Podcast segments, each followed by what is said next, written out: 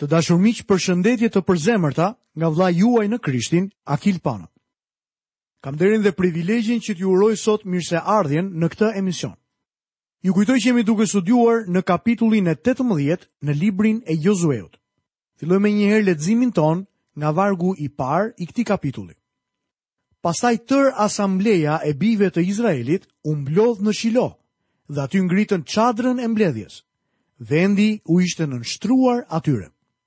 Bijtë e Izraelit e ngritën tabernakullin në Shilo, një qytet në Efraim.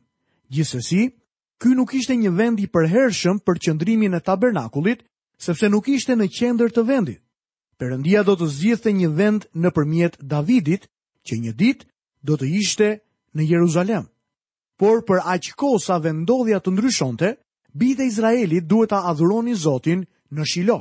Tabernakulli mbeti në Shilo gjatë gjithë periudhës së gjykatësve. Do të lexojmë nga vargjet 2 dhe 3.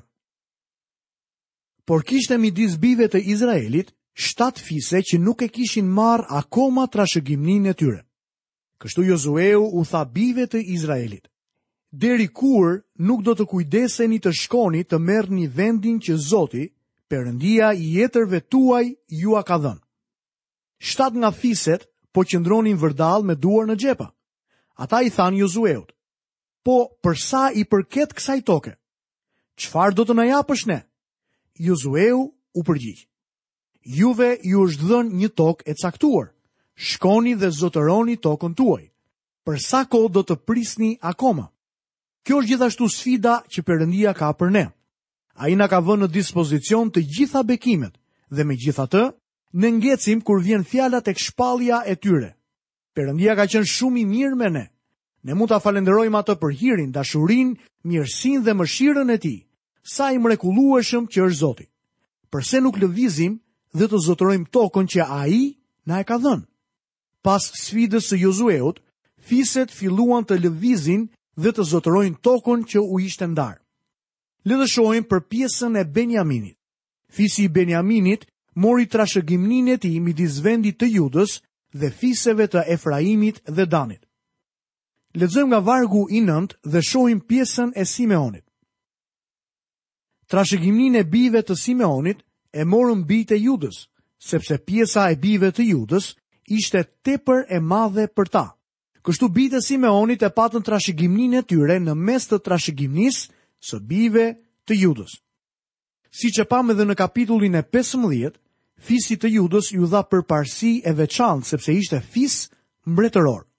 Pikërisht me anë të këtij fisi do të themelohet kapitali politik dhe ai fetar i kombit. Kryeqytet do të bëhet Jeruzalemi dhe do të shohim se Davidi ishte personi që bëri këtë zgjedhje. Për shkak se vendi që iu nda Judës ishte më shumë se sa nevojitej, pjesa e jugut iu dha Simeonit. Shohim më poshtë pjesët që u ipen Zabulonit, Isakarit, Asherit, Neftalit dhe Danit. Fisi i Zabulonit mori një pjesë të vendit që ishte e mbyllur në ultësirën e Galilesë, Trashëgimia e Isakarit shtrihej nga mali Tabor në perëndim dhe deri në pjesën jugore të Detit të Galilesë. Ai përfshinte edhe një territor në rajonin bregdetar nga veriu i malit Karmel deri në afërsi të zonave të Tirit dhe Sidonit. Fisi i Neftalit u vendos në zonën lindore të sipërme dhe deri në ultësirën e Galilesë. Territori i Danit ndodhej midis Benjaminit dhe detit Mesdhe. Kohë më vonë, disa anëtarë të fisit të Danit emigruan në veri dhe u vendosën në pjesën veriore të Neftalit. Kjo pjesë zbulon se sa shumë hollësi i dha Zoti Izraelit në lidhje me tokën. Vendi dhe njerëzit ecin krah për krah. Perëndia jo vetëm që u dha vendin e Kanaanit, por secilit fis i dha një zonë të caktuar.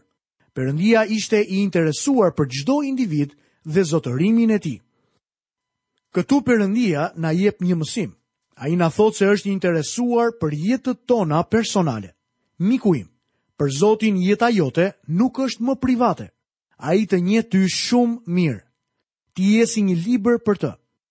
Një fqinji im ateist më tha një ditë, Dua të shkoj në shkretëtirë ku mund të jem vetëm dhe larg nga gjithë njerëzit. Kjo është një dëshirë që mund të karakterizohet deri diku normale. Të gjithë ne në një moment të caktuar kemi nevojë të largohemi nga njerëzit. Por i kujtova që me gjithë përpjekjet e tij do ta kishte të pamundur që të largohej nga Perëndia. I thashë: Ti nuk mund të largohesh nga Zoti, vëlla. Ai do të jetë pikërisht atje në shkretëtirë duke pritur për ty. Miqtë e mi, është e mrekullueshme të largohesh nga njerëzit, nëse dëshiron të kesh miqësi me Zotin. Lexojmë nga vargjet 49 deri në vargun e 51 të kapitullit të 19. Kur bijtë e Izraelit përfunduan ndarjen e trashëgimnisë sipas vendit, sipas kufijve të tij, i dhanë Jozueut, birit të Nunit, një trashëgimni në mes të tyre. Sipas urdhrit të Zotit, i dhanë qytetin që kërkoi Timnath Serahun, në krahinën malore të Efraimit. Ai ndërtoi qytetin dhe banoi në të. Këto janë trashëgimnitë që prifti Eleazar, Jozueu, bir i Nunit dhe kryetarët e familjeve të fiseve të bijve të Izraelit ndanë me short në Shilo, përpara Zotit, në hyrje të çadrës së mbledhjes. Kështu ata përfunduan ndarjen e vendit. Ndoshta mund të mendoni se meqenëse Jozueu ishte njeri i Perëndisë, i kishte udhëhequr bijtë e Izraelit me sukses kundër kananejve dhe kishte dalë fitimtar. Izraelitët mund ta linin të zgjidhte çfarë pjese të donte për të qëndruar, por nuk ndodhi kështu.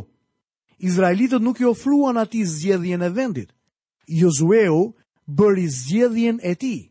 Ishte një vend që quhej Timnath Sera, rreth 11 milje e barabartë me 16 kilometra e gjysmë, larg nga Shilohu. Ai ishte një vend joprodhues dhe një nga vendet më të këqija që mund të zgjidhte një njeri. Kjo gjë më kujton Abrahamin dhe Lotin, kur u kthyen nga Egjipti.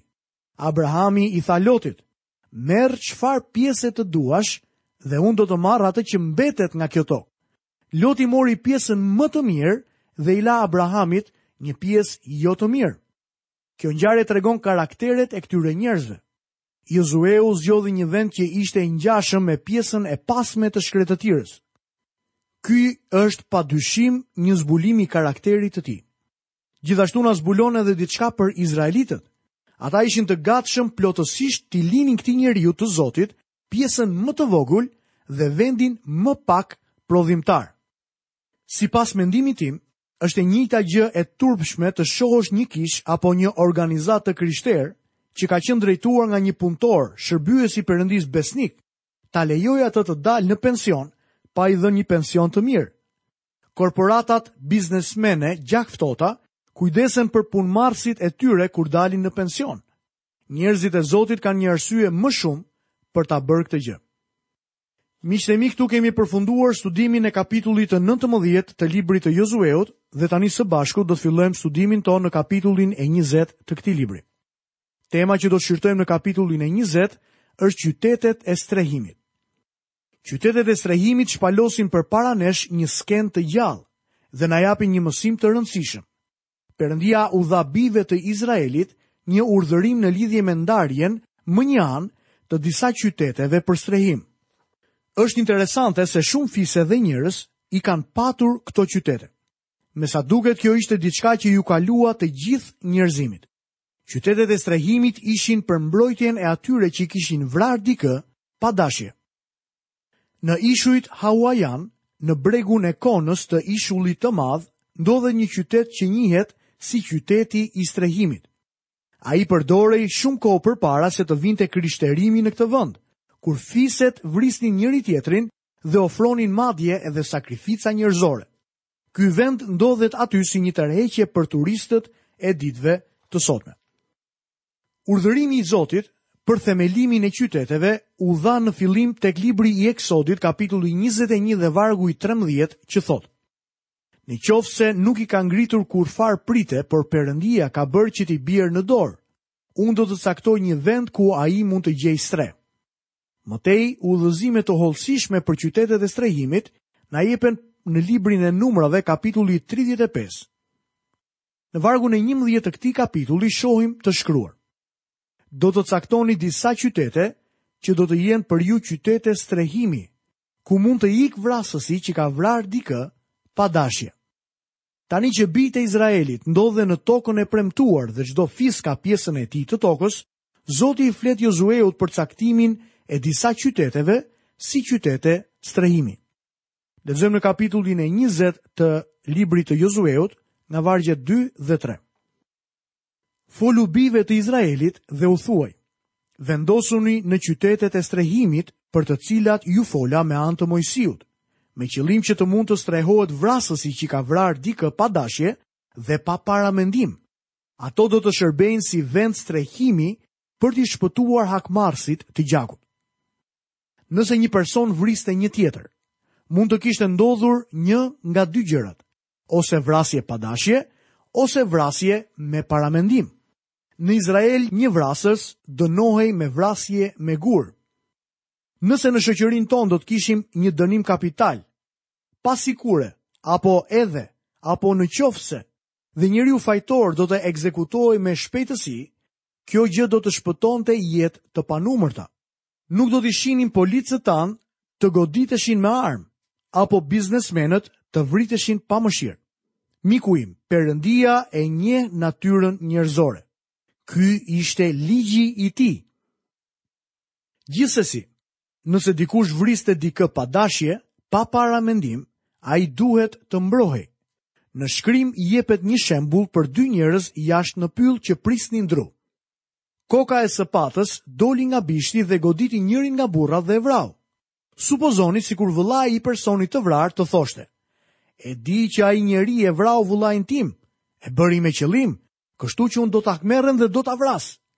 Për këtë njeri, nuk do të kishte më shanse për aq kohë sa nuk ekzistonte qyteti i strehimit. Pra këtij njeriu që kishte qenë përgjegjës për vdekjen, do t'i jepej një mundësi për të vrapuar në një nga qytetet e strehimit. Do të lexojmë nga vargjet katër deri në vargun e gjashtë. Kur vrasësi do të ikë në një nga këto qytete, do të ndalet në hyrje të portës së qytetit dhe do t'ua parashtrojë rastin e tij pleqve të atij qyteti. Këta do ta presin në qytetin e tyre, do t'i gjejnë vend dhe ai do të banojë me ta. Në rast se hakmarrësi i gjakut do ta ndjekë, ata nuk do t'ia dorëzojnë vrasësin sepse ai ka vrarë të afërmin e tij pa paramendim, pa e urryer më parë. Vrasësi do të qëndrojë në atë qytet derisa me vdekjen e kryepriftit që do të jetë në funksion ato ditë do të dalë në gjyq para asamblesë. Atëherë vrasësi mund të kthehet dhe të hyjë në qytetin e tij dhe në shtëpinë e tij, në qytetin nga i cili kishte ikur. Qyteti i strehimit ka një mësim të madh shpirtëror për ne. Zoti Jezus u vra.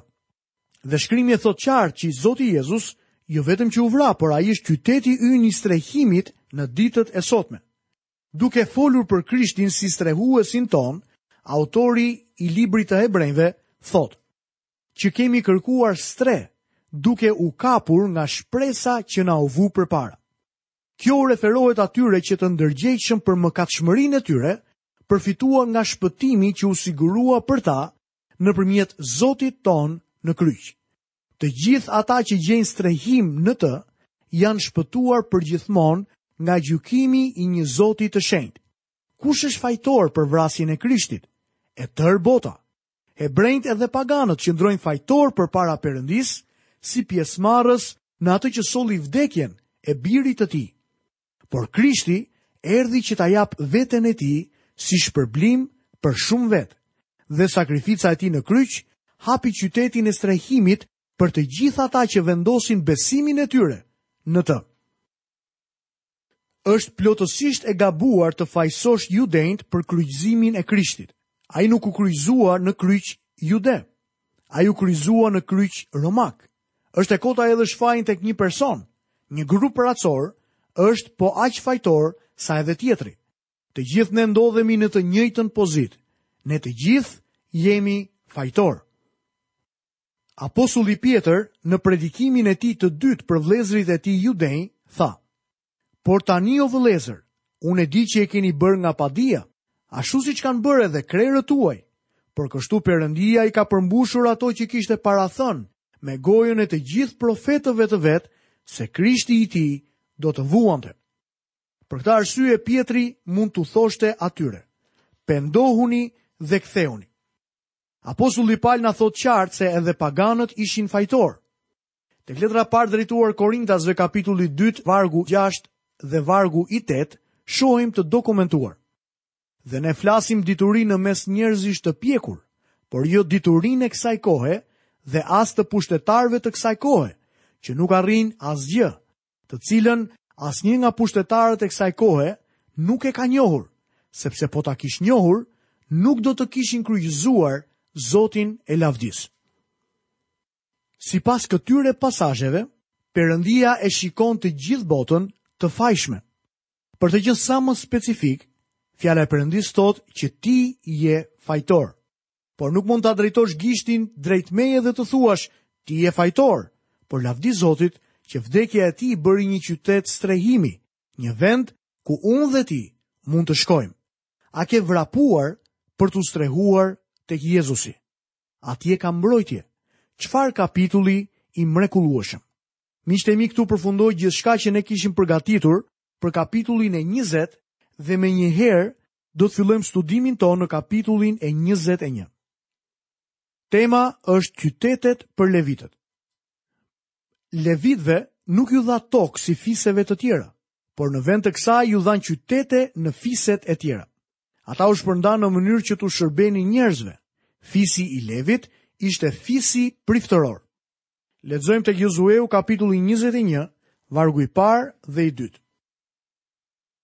Kryetarët e familjeve të levitëve u paraqitën përpara priftit Eleazar, Jozueut, birit të Nunit dhe kryetarëve të familjeve të fiseve të bijve të Izraelit dhe u folën në Shilo në vendin e Kanaanit duke u thënë: Zoti urdhëroi me anë të Moisiut që të na jepeshin disa qytete për të banuar me kullota për bagëtinë tonë. Me sa duket dhe në atë kohë kishte probleme periferike. Levitëve duhet t'u jepeshin 40 qytete për të banuar duke filluar nga Dani në veri deri në Beersheba në jug. Ndarja e vendit në këtë moment u kompletua. Lexojmë nga vargjet 43 dhe 44. Kështu Zoti i dha Izraelit tërë vendin që ishte betuar t'ua jepte etërve të tyre, dhe bijtë e Izraelit e pushtuan dhe banuan në të. Zoti u siguroi pushim rreth e qark, siç u ishte betuar etërve të tyre. Asnjë nga armiqtë e tyre nuk mundi t'u bëjë ballë. Zoti i dorëzoi tërë armiqtë në duart e tyre. Bijtë e Izraelit zotëronin tani vendin e Kanaanit, por kjo ishte vetëm një pjesë e vogël e vendit që u premtoi Zoti. Nëse duan të kenë më shumë tokë, duhet të shkojnë dhe ta marrin. Vazhdon të ekzistojë rregulli se çdo vend që këmba e tyre e shkel, do të jetë e tyre. Ajo që kanë në zotërim izraelitët tani është e lirë nga armiku, kështu që ata mund të prehen të qetë. Pushimi për ne sot është prehja e shpengimit. Është ajo prehje për të cilën kemi nevojë me dëshpërim. Ne jetojmë në një epokë të tensionuar. Ka shumë shtypje dhe nëse ekziston ndonjë gjë për të cilën ka nevojë krishterimi, është hyrja në prehjen që ka siguruar Zoti për ne. Ashtu siç do ta shohim dhe në librin e gjyqtarëve, Izraeli dështoi në çlirimin e plotë të zotërimeve të tij nga armiku. Pse? Për shkak të mosbesimit të tij, edhe Jozueu nuk mund t'u jepte prehjen që kishin nevojë për shkak se dështuan në besimin tek Zoti dhe përvetësimin e fuqisë së tij. Autori i Hebrenjve na paralajmëron për përsëritjen e dështimit të Izraelit. Hebrenjtë 4, vargu 9 dhe 11. Mbetet pra një pushim i së shtunës për popullin e Perëndisë, sepse kush ka hyrë në prehjen e tij, ka bërë pushim edhe ai nga veprat e veta, ashtu si Perëndia nga të tijat. Le të përpiqemi pra të hyjmë në atë prehje, që askush të mos bjerë në atë shembull të mosbindjes. Si mund të hyjmë unë dhe ti në atë prehje? Me anë të besimit. Kjo është e vetmja mënyrë. Të dashur miq, Këtu kemi përfunduar dhe studimin tonë në kapitullin e 21 të librit të Jozueut. Në këtë kapitull, pamë që njerëzit kanë hyrë në prehjen që Zoti kishte siguruar për ta. Sa e mrekullueshme duhet të ketë qenë kjo, pas udhëtimit të gjatë dhe të lodhshëm në shkretëtirë dhe luftës për të marrë zotërimet e tyre.